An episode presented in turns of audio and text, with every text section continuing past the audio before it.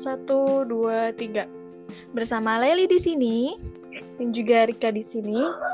Kita kembali ke podcast kesayangan kita di Fikum. Fiksi hukum. Semua orang. Semua orang hukum. Halo, selamat datang kembali lagi ke podcast Fiksi Hukum nih.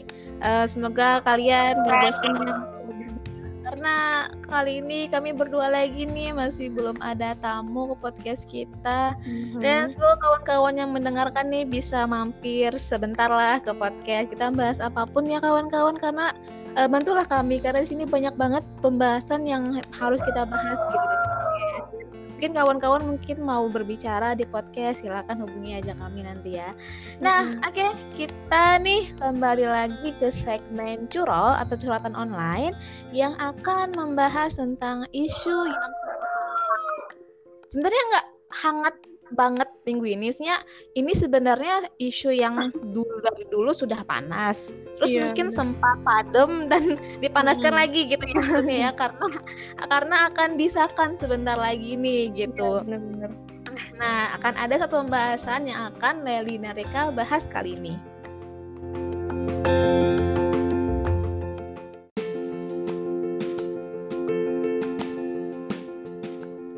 Oke, langsung aja ya. Yang akan kita bahas kali ini itu masalah LGBT nih yang katanya akan dimasukkan dalam RKUHP itu sebagai kriminalisasi LGBT gitu dan aku tanya ya kan ini dari BBC Indonesia dengan judul RKUHP titik dua wacana kriminalisasi LGBT Indonesia akan jadi negara paria.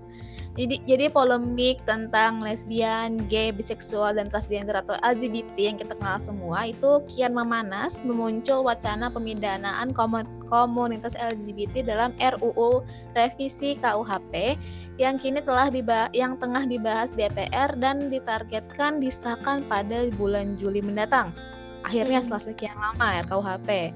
Nah, jadi uh, sebenarnya insiden ini tuh mungkin muncul lagi salah satu uh, hangat lagi mungkin karena insiden ragil kemarin yeah. yang Jerman itu ya yang dia adalah seorang gay kita tahu semua dia adalah seorang gay yang datang ke podcast terkenal podcaster kedatang ke podcast podcaster terkenal di Indonesia itu Deddy Corbuzier kemarin itu ya hmm. yang sekarang sudah di take down videonya ya oleh si oleh Deddy Corbuzier-nya yep. gitu kan menimbulkan polemik di ber, di banyak pihak gitu loh. Dan ini uh, terus bergulir dan kian memanas dengan banyak elit politik dan pejabat pemerintah nimbrung dengan perdebatan tentangnya. Uh, bahkan Bapak um, Menteri Koordinator Bidang Politik Hukum dan HAM Bapak Mahfud MD hmm. urun rembuk dalam perdebatan tentang LGBT ini dengan menggulirkan wacana pemidanaan LGBT dalam RKUHP yang tengah dibahas oleh DPR. Pernyataan tersebut menuai polemik baru nih yang men yang menuai komentar hanya dari komunitas LGBT dan pengamat hukum tapi juga dari pejabat pemerintah dan anggota DPR.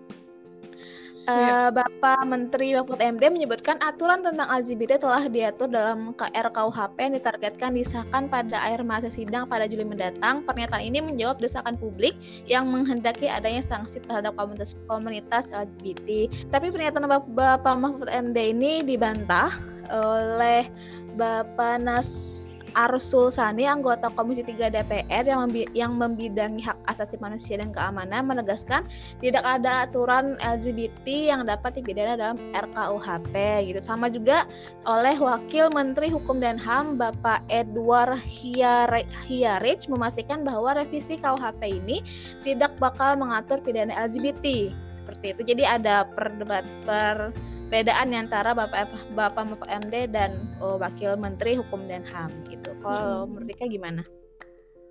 Iya benar banget Lili. Emang ada perdebatan pro dan kontra pasti dari beberapa tahun yang lalu pun masih bergulir nih sampai sekarang perdebatan itu. Iya. Tapi uh, teman-teman yang mau kita bahas kali ini nih terkait ini teman-teman pasalnya nih yang menuai apa ya banyak uh, yang tidak setuju apalagi uh, kaum LGBT gitu. Ini mungkin aku hmm. coba jelasin atau bacakan dulu ya pasalnya yang menuai okay, okay. pro dan kontra.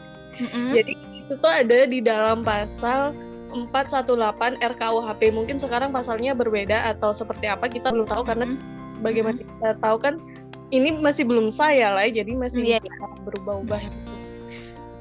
Nah, jadi dalam pasal tersebut itu menjelaskan setiap orang yang melakukan pencabulan terhadap orang lain yang berbeda atau sesama jenis kelaminnya di depan umum pidana dengan pidana penjara paling lama satu tahun enam bulan atau pidana denda paling banyak kategori tiga. Habis itu Mm-mm. secara paksa dengan kekerasan ancaman kekeras ancaman kekerasan pidana eh, pal penjara paling lama 9 tahun dan yang kalau misalnya dipublikasikan itu sebagai muatan pornografi itu bisa dipidana dengan pidana penjara paling lama 9 tahun. Nah, itu Mm-mm. jadi frasa yang eh, sesama sama jenis kelaminnya itu yang menuai Mm-mm. perdebatan buat teman-teman atau kaum gay di Indonesia kayak gitu. Gay lesbi juga ya maksudnya. Ya, lesbi. Mm-mm. Nah, Teman-teman kalau kita fokuskan nih ke frasa sesama jenis nih sesama jenis itu kan bisa kita artikan sebagai eh, lesbi atau gay gitu ya karena frasa ini tuh seolah-olah kayak mengkriminalisasikan kaum LGBT gitu. Jadi banyak kaum LGBT ini yang gak setuju dan pengen menghapus frasa sesama jenis itu. Karena sebagaimana yang kita tahu eh, pasti mereka beranggapan itu tidak memenuhi rasa keadilan hak asasi manusia atau lain sebagainya. Jadi Mm-mm. balik lagi kita ke isu yang pemidanaan terhadap kaum LGBT tadi, apakah pasal ini eh, bisa memidanakan kaum LGBT atau eh, apakah perbuatan dalam pasal tadi itu berkaitan dengan orientasinya atau perilakunya itu sih yang pengen apa ya kita bahas pada kesempatan kali ini biar muncul ruang diskusi juga nih buat teman-teman siapa tahu kan dari pembahasan ini teman-teman bisa mencari apa ya mencari letak ketidakadilnya mungkin bisa dibuat skripsi atau kayak gimana. Mm-mm. Oh. Mm-mm. Pertama nih kita cari tahu dulu nih apakah orientasi seksual atau kecenderungan seksual seseorang itu eh, merupakan suatu kejahatan sehingga bisa dihukum. Nah kalau Mhm. pertanyaannya kayak gini itu bukan eh, ranah kita ya, like kalau mengkajinya itu secara ilmu kejiwaan atau ilmu kedokteran secara luasnya gitu. Tapi kalau kita bicara soal moral atau amoral, nah kita bisa masuk nilai kan di Indonesia punya tuh yang namanya Pancasila, ya kan? Mm-mm. Nah dalam Pancasila itu kan terkanjung, terkanjung, terkandung banyak nilai dan moral yang jadi landasan hidup kita di Indonesia. Tentunya kalau kita berpegang teguh pada Pancasila ya, frasa apa ya berhubungan sesama jenis ini dalam tanda kutip ya ini jelas nggak boleh gitu karena menyalahi norma bangsa Indonesia. Atau nggak usah deh kita Mhm. lihat Pancasila kita lihat aja dari segi lainnya misalnya agama adat etika moral semua pasti bakal tidak membenarkan adanya hal tersebut gitu. Maka Mm. dari itu kita yang tinggal di Indonesia ya yang warganya sangat sangat bermoral, beradab dan juga beragama, aku pikir frasa berhubungan sesama jenis ini apa ya tidak sesuai dengan kebiasaan bangsa Indonesia kayak gitu. Lalu balik lagi nih kita ke pasal yang tadi frasa sesama jenis ini apakah bisa eh, be- berkamuflase atau bentuk sesuatu yang biasanya kita sebut kriminalisasi terhadap kaum LGBT. Jadi buat teman-teman yang belum tahu kriminalisasi itu apa sih? Jadi kriminalisasi itu kayak eh, perbuatan atau tindakan yang sebelumnya itu bukan suatu tindak pidana, tapi Hmm. karena dikriminalisasi berarti tindakan itu jadi pidana gitu lah. Jadi Hmm. ada eh, perbuatan yang tidak baik lah pokoknya kayak gitu. Nah, lalu seperti yang kita tahu nih pelaku LGBT ini kan belum ada sanksinya gitu ya, belum ada Mm-mm. dasar hukumnya. Makanya yang kemarin-kemarin viral itu lah, hukumnya kan Iya. nggak Mm-mm. hukum itu nggak bisa menindaklanjuti karena ya memang ada kekosongan di sini. Tapi kalau kita lihat pasal ini ya, menurut aku dasar pemidanaannya itu adalah kekerasan seksualnya, bukan orientasi seksualnya. Di- Jadi Iya. kalau dianalogikan nih, semua orang yang melakukan kekerasan seksual kepada siapa pun ya dalam tanda kutip Mm-mm. itu yang akan dipidana gitu. Dan Mm. menurut aku pasal yang ada di sini nih masih belum tegas gitu loh melarang terhadap LGBT gitu hanya perbuatan kekerasan seksualnya saja jadi kita masih apa nih membutuh pasal yang secara tegas mengatur terkait dengan larangan LGBT mm -hmm. baik di dalam RKUHPK atau di undang-undang apa TPKS atau undang-undang lainnya gitu. Semoga pemerintah ini ya segera merampungkan permasalahan ini. Tapi menurut aku sendiri ya pasal ini masih belum jelas adanya larangan terhadap LGBT. Cuma perilaku menyimpangnya itu aja sih yang di yang dilarang gitu aja. Mm -mm. Itu kalau menurut aku. Betul betul. Kalau menurut Laili, kalau dari perbuatannya dari pasalnya sebenarnya sudah jelas ya gitu orang yang melakukan perbuatan cabul ini ini ini itu jelas. Terus hmm. menurut menurut aku sendiri gitu ya, uh, sebenarnya dengan ada atau tidak adanya frasa berbeda atau sama jenis kelaminnya ini kan intinya setiap orang iya, gitu kan setiap iya, orang bener. gitu mau yang kayak gimana gitu. Jadi kalau memang pengen tetap dimasukin berbeda sama jenis kelaminnya ya te, kata dikata tadi uh, aturan LGBT itu lebih diperjelas atau diadakan gitu dengan LGBT kayak gimana gimana gimana. Pokoknya diadakan atau undang-undang yang menjelaskan tentang LGBT itu mm -hmm. gitu. Kalau memang pengen diinikan. Jadi jadi istilahnya gini loh. Jadi kalau ada frase yang berbeda atau sama sama jenis kelaminnya ini jadi mereka jadi di undang-undang ini mengakui ada LGBT. LGBT sedangkan iya. sedangkan kalau tidak ada kata-kata ini kan sebenarnya kita tuh kayak nggak nganggap kita tuh nggak mm -hmm. nggak LGBT gitu loh. Jadi kayak meskipun tidak ada undang-undang atau peraturan yang mengatur tentang LGBT nggak masalah gitu loh. Karena memang kita tidak menganggap adanya LGBT di RKUHP bertali kayak gitu sih. Sama ke pemerintah juga dia juga yang aku sering dengar mereka nggak mau ngurusin ngurusin pribadi orang tuh sampai ke ranjang-ranjangnya gitu loh. Bahasa bahasa kasar tuh kayak gitu sampai ke ranah pribadinya sampai jadi kayak orientasi seksual. Itu mereka tuh eh, nggak uh, mau ngatur sebenarnya itu karena ya tadi mungkin adanya uh, hak hak masing-masing individu gitu. Terus uh, ini aku sedikit kak uh, yang pembahasan tadi yang masalah Bapak Mahfud MD sama Wakil Menterinya itu kan mm-hmm. berbeda, gitu kan berbeda pendapat lah gitu. Dan Bapak Mahfud MD ini menegaskan lagi kak uh, di akun Twitternya dia uh, mengatakan bahwa di RKUHP itu memang tidak ada kata LGBT gitu, tapi ada ancaman bagi pidana kesusilaan dan hubungan seks sesama jenis dalam situasi dan cara tertentu. Sama juga nih katanya kayak kata maling kan nggak ada tuh di KUHP ya kan, tapi tapi ada perbuatan mengambil barang orang lain secara melanggar hukum dan seterusnya. Begitulah uh, Bapak Mahfud MD menjawab tudingan atas perbedaan pendapat antara menteri dan wakil menterinya itu gitu. Terus aku mungkin bisa lanjut ya kak mungkin uh, masalah ini uh, apakah LGBT ini termasuk sebuah penyakit atau hmm. tidak? Karena kan kita tahu sendiri gitu. Ada beberapa pihak yang menganggap LGBT ini adalah so, uh, sebuah penyakit kejiwaan. Ada juga yang berpendapat ini bukan penyakit ini adalah anu bukan anugerah sih maksudnya dari Tuhan langsung lah gitu.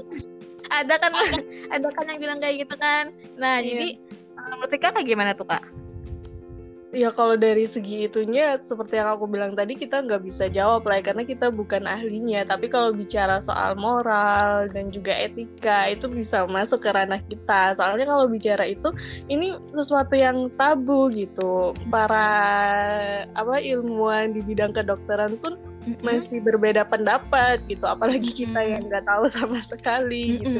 Jadi okay. untuk dimasukkan ke dalam hukum nih apakah hukum bisa menjangkau ranah privat itu ya tadi kita masih belum bisa tapi aku berharap bisa sih karena apa ya adanya fenomena LGBT ini emang nggak sesuai sama uh, Pancasila sama agama hmm. ataupun da, uh, da, kita lihat dari segi mana pun itu nggak sesuai kayak gitu. Mm-mm. Oke, oke. eh, mungkin tambahan aja misalnya penyakit tidak tidak penyakitnya ini ya. Mm-mm. Sebenarnya lebih ini aku eh, nonton di ILSI ya eh, keterangan dari dokter Dewi Inong Irana, eh, dokter Mm-mm. spesialis kulit dan kelamin yang mengatakan LGBT itu adalah sebuah penyakit kayak gitu. Mm-mm. Yang mana ini eh, sebuah perbuatan yang lain dari kodratnya gitu kan. Maaf berhubungan di bukan tempatnya gitu ya. Maaf ya kawan-kawan. Dan itu tuh malah menyebabkan berbagai penyakit gitu loh. Jadi penyakit ini nih jadi menyebabkan penyakit lain gitu loh. Iya. Mungkin aku itu kan eh, yang baru-baru ini viral itu cacar monyet Iya, tahu iya. pernah dengar? Nah itu diitukan salah satunya adalah karena eh, ini hubungan yang bukan pada tempatnya gitu isunya kayak gitu loh. Itu sih kak sedikit sedikit mas masalah penyakit tidak penyakitnya ini gitu. Mm-mm, tapi harus kita apa ya cross check lagi ya kebenarannya siapa tahu kan ini berita tentang penyakit penyakit ini eh, ada yang benernya dan ada yang nggak benernya juga sih kalau di media itulah jadi kita harus pinter-pinter juga menyaring. Ya. Sama kayak HIV, AIDS kan dulu kan Mm-mm. katanya dari awal dari dari mereka gay LGBT ya begitulah pada pada akhirnya sampai seperti sekarang seperti sekarang gitu lanjut Iya. Terus kalau menurut Laili nih, kalau misalnya kita berdampingan dengan kaum eh, LGBT nih, nantinya gimana menurut Laili? Apakah Laili bisa menerima gitu keadaan di lingkungan kita nih yang banyak LGBT-nya atau kayak gimana? berat ya mungkin bisa sedikit cerita nggak sedikit, sedikit aja kak Bo- Mm-mm. boleh jadi kayak Iya, ke- be- beberapa saat yang lalu nih eh, di di di kota aku di Mm-mm. kota aku itu ada pawai kebudayaan ulang Oke. tahun provinsi kalau nggak salah. Nah di pawai itu kan ada peserta-pesertanya kan. Nah di Mhm. salah satu pesertanya ini ada yang menarik perhatian aku. Aku nggak tahu yang Mhm. lain gitu. Karena Mhm. heboh banget tuh. Ternyata ada maaf kayak eh, banci Bendera? gitu pakai Oh. ini gitu. dan Iya, iya. mereka membawa bendera Oh, orang oke. yang apa yang ininya adalah bendera LGBT. Mm-mm. Nah, aku aku shock dong gitu kok bisa Oke. LGBT ada di pawai kebudayaan ini gitu kan. Aku jujur kalau kayak aku cuman lihat mereka aja, aku sebenarnya nggak nggak ris nggak apa ya, maksudnya nggak benci sama mereka nggak gitu loh. Gitu Iya. Tolong eh, di sini ada anak kecil, ah, bahkan ada adik aku gitu. Jangan Hmm. sampai perbuatan mereka, sedangkan jangan sampai perbuatan mereka itu eh, menjadi contoh buruk buat keluargaku atau ada- an- anak-anak kecil di situ Mm-mm, karena silahkan kalian berkumpul-kumpul membuat komunitas atau apa pun yang kalian ini apa pun yang kalian yakinkan tolong tapi jangan eh, cuci maksudnya jangan tampilkan itu di depan anak-anak yang pastinya orang tuanya tidak pengen seperti kalian gitu. Maaf nih kawan-kawan semoga mungkin ada kawan-kawan yang mendengar nih gitu kan. Cuman semoga tidak tersinggung karena jujur aku misalkan sebagai kakak net sebagai orang tua nanti aku nggak nggak Mm. pengen anak-anak aku Iya lah pasti. atau bahkan yang seperti itu. Mohon maaf kawan-kawan sebelumnya. Kayak gitu sih kayak jadi teri- eh, ya mau nggak mau terima cuman jangan sampai anak atau adik-adik aku nih ngelihat gitu. Jangan sampai mereka mencontoh kawan-kawan atau komunitas kalian kayak gitu sih kak menurut aku kalau Dika gimana Iya, kalau menurut aku di Indonesia masih apa ya minim mereka untuk mengekspresikan bahwa mereka itu adalah kaum LGBT. Beda ya sama di eh, luar negeri mereka lebih menunjukkan bahwa kita butuh keadilan atau gimana mana. Pokoknya banyak di jalan-jalan kampanye-kampanye mereka yang menunjukkan bahwa mereka itu adalah LGBT. Tapi kalau eh, di Indonesia kayaknya baru ini ya eh, apa ya masih sedikit kecuali di kota-kota besar kayak di Jakarta atau di eh, kota ya kota-kota besar di ibu kota kita lah itu mereka lebih hingga lebih menunjukkan eh, perasaan mereka gitu. Tapi kalau di tempat aku sendiri ya temen ada sih yang kayak gitu tapi ya apa ya semua aku lebih ini aja sih menjaga jarak enggak. Cuma eh, takutnya kalau kita berteman ataupun berhubungan sama mereka itu kayak kan katanya ini bisa menular eh bukan menular sih apa ya bahasanya tuh kita bisa kayak ik- ikut kayak mereka gitu. Kalau misalnya kita uh, intens gitu berhubungan sama mereka. Ada yang bilang kayak gitu makanya aku di sini rada-rada gimana juga rada-rada takut kalau misalnya harus temenan atau uh, deket gitu sama yang LGBT tadi kayak gitu okay. kalau positif nih. Tapi tapi tapi mereka pergerakannya pelan-pelan tapi pasti ya kan kak? Ya kan? Pelan-pelan tapi pasti. Pelan-pelan tapi pasti. Jadi kalau kita nggak mencegah ya susah ngobatinnya gitu. Iya benar. Lalu inilah ya aku mau uh, nyambung juga nih ke berita yang kemarin viral juga terkait dengan mm -hmm. bendera LGBT yang dikibarkan mm -hmm. di kedutaan Inggris di Indonesia. Menurut kamu gimana? Inggris ya? Mm -mm. Inggris itu kan melegalkan ini ya LGBT ya? Iya. Iya kan? Sama kayak Jerman juga. Uh, sama kayak Jerman melegalkan melegalkan hubungan kayak gitu. Tapi aku ini aku nggak baca beritanya kayak ya. Aku cuman hmm. kayak dengar sekilasnya aja nih ada bendera LGBT dipasang di kedutaan gitu kan. Hmm. Akunya kok aku biasa aja kan rasanya ya. Jujur kayak aku nggak ada heran atau nggak ada gimana karena biasa aja sih karena tahu mereka orang-orang negara yang melegalkan LGBT gitu meskipun dikebarkan di, di Indonesia tapi di wilayah mereka gitu loh. Hmm. Mereka gimana kak? Mungkin bisa iya. dijelaskan ya? Iya, ya punya hak sih ya karena kan di kedutaan Inggris juga. Tapi uh, apa ya kalau menurutku toleransinya sih kan kita di Indonesia ini negara yang sangat-sangat agamis gitu dan menunjukkan banget kalau kita tuh menolak LGBT. Ya menurut aku agak kurang pas uh, benderanya itu di di Indonesia gitu. Kalau menurut aku kurang pas aja sih. Dan aku kalau mikir nih ya berangan-angan kalau misalnya LGBT ini disahkan di Indonesia, maksudnya dilegalkan gitu kayak gimana gitu? Berarti jenis kelamin kita nambah dong gender kita nambah dong jadi tiga ya? Iya kan? Laki-laki kayak Thailand Thailand berapa jenis kelamin itu berpuluh iya, berpuluh? ada Thailand. Mm -mm, ada yang lima kalau nggak salah. Nah itu terus gimana hukum kita nanti? Hukum warisnya gimana? Habis itu kalau mereka mau punya anak nanti gimana? Gitu. Itu sih yang nggak masuk di akal pikiranku ya. Kalau kita jauh ya mikirnya itu kayak mm -mm. nanti bakal kacau sih ya kayaknya. Mm, ya semoga ya tapi kalau boleh ini sih memang kekuatan LGBT besar sih orang-orang besar isinya ada gitu mm. gitu Iya.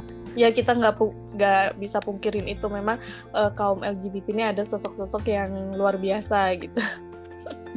Oke, okay, kita kawan-kawan. Jadi mohon mungkin kalau kawan-kawan LGBT yang mendengarkan ini semoga tidak salah paham atau sakit hati ya karena bukan itu mas bukan itu bukan niat kami jahat gitu ya mm-hmm. cuma dengan jelaskan aja ini gimana menurut agama kami atau negara kami gitu loh oke yeah. mungkin aku pengen masuk ini kak pengen uh, masuk ke hamnya ya kak karena kan mm-hmm. kan uh, aktivis-aktivis LGBT ini kan tentang hamnya uh, kita masing-masing punya ham doang bersama yeah, yeah kan nah jadi aku nih kutip dari artikel eh, problem dengan judul problematika LGBT dalam perspektif hukum Islam dan HAM dan aku pengen bahas HAMnya aja ya di sini ya kawan-kawan ya yang ditulis oleh Nori Bahar SHI oke okay.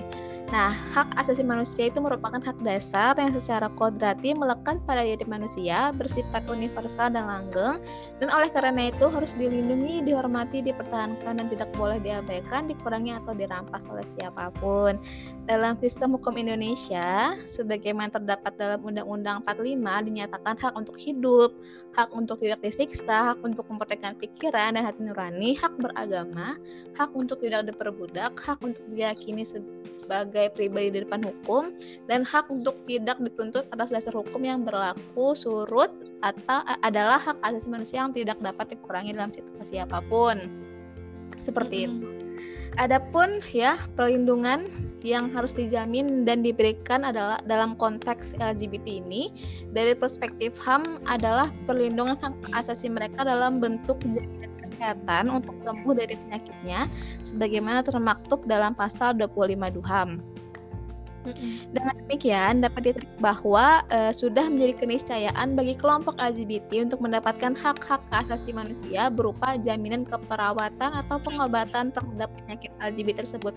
Di sini uh, beliau menulis bahwa LGBT adalah sebuah penyakit kawan-kawannya dan bukan hak dalam pengakuan atau melegalkan terhadap orientasi seksual mereka yang menyimpang. Dan nih di sisi lain di samping HAM yang dimiliki oleh kelompok LGBT, sesungguhnya ada kewajiban asasi manusia juga yang harus dipatuhi oleh setiap orang sebagai termaktub dalam pasal 29 ayat 1 dan 2 DUHAM. Yang pertama, setiap orang mempunyai kewajiban terhadap masyarakat tempat tempat satu-satunya di mana dia dapat mengembangkan kepribadiannya dengan bebas dan penuh. Dua, menjal dalam menjalankan hak-hak dan kebebas-kebebasannya, setiap orang harus tunduk hanya pada pembatasan-pembatasan yang ditetapkan oleh undang-undang yang tujuannya hmm. semata-mata untuk menjamin pengakuan serta penghormatan yang tepat terhadap hak-hak dan kebebasan-kebebasan orang lain dan untuk hmm. memenuhi syarat-syarat adil dalam kesusilaan, ketertiban dan kesejahteraan umum dalam suatu masyarakat yang demokratis. Jadi pada intinya kawan-kawannya tidak hanya ada hak asasi manusia, tapi juga ada kewajiban asasi manusia.